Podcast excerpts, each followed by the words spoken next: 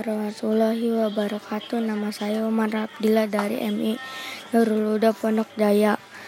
Saya akan mencerita Cani episode 10 roti manis buatan Mia. Satu apa yang kamu lihat yang saya lihat yaitu Mia merupakan anak yang ingin dimanja ibunya namun ibunya menyuruh Mia menjadi anak yang mandiri. Dua apa yang kalian rasakan yang saya rasakan yaitu ibu Mia mengajarkan Mia hidup mandiri agar kelak Mia bisa meneruskan usaha roti ibunya.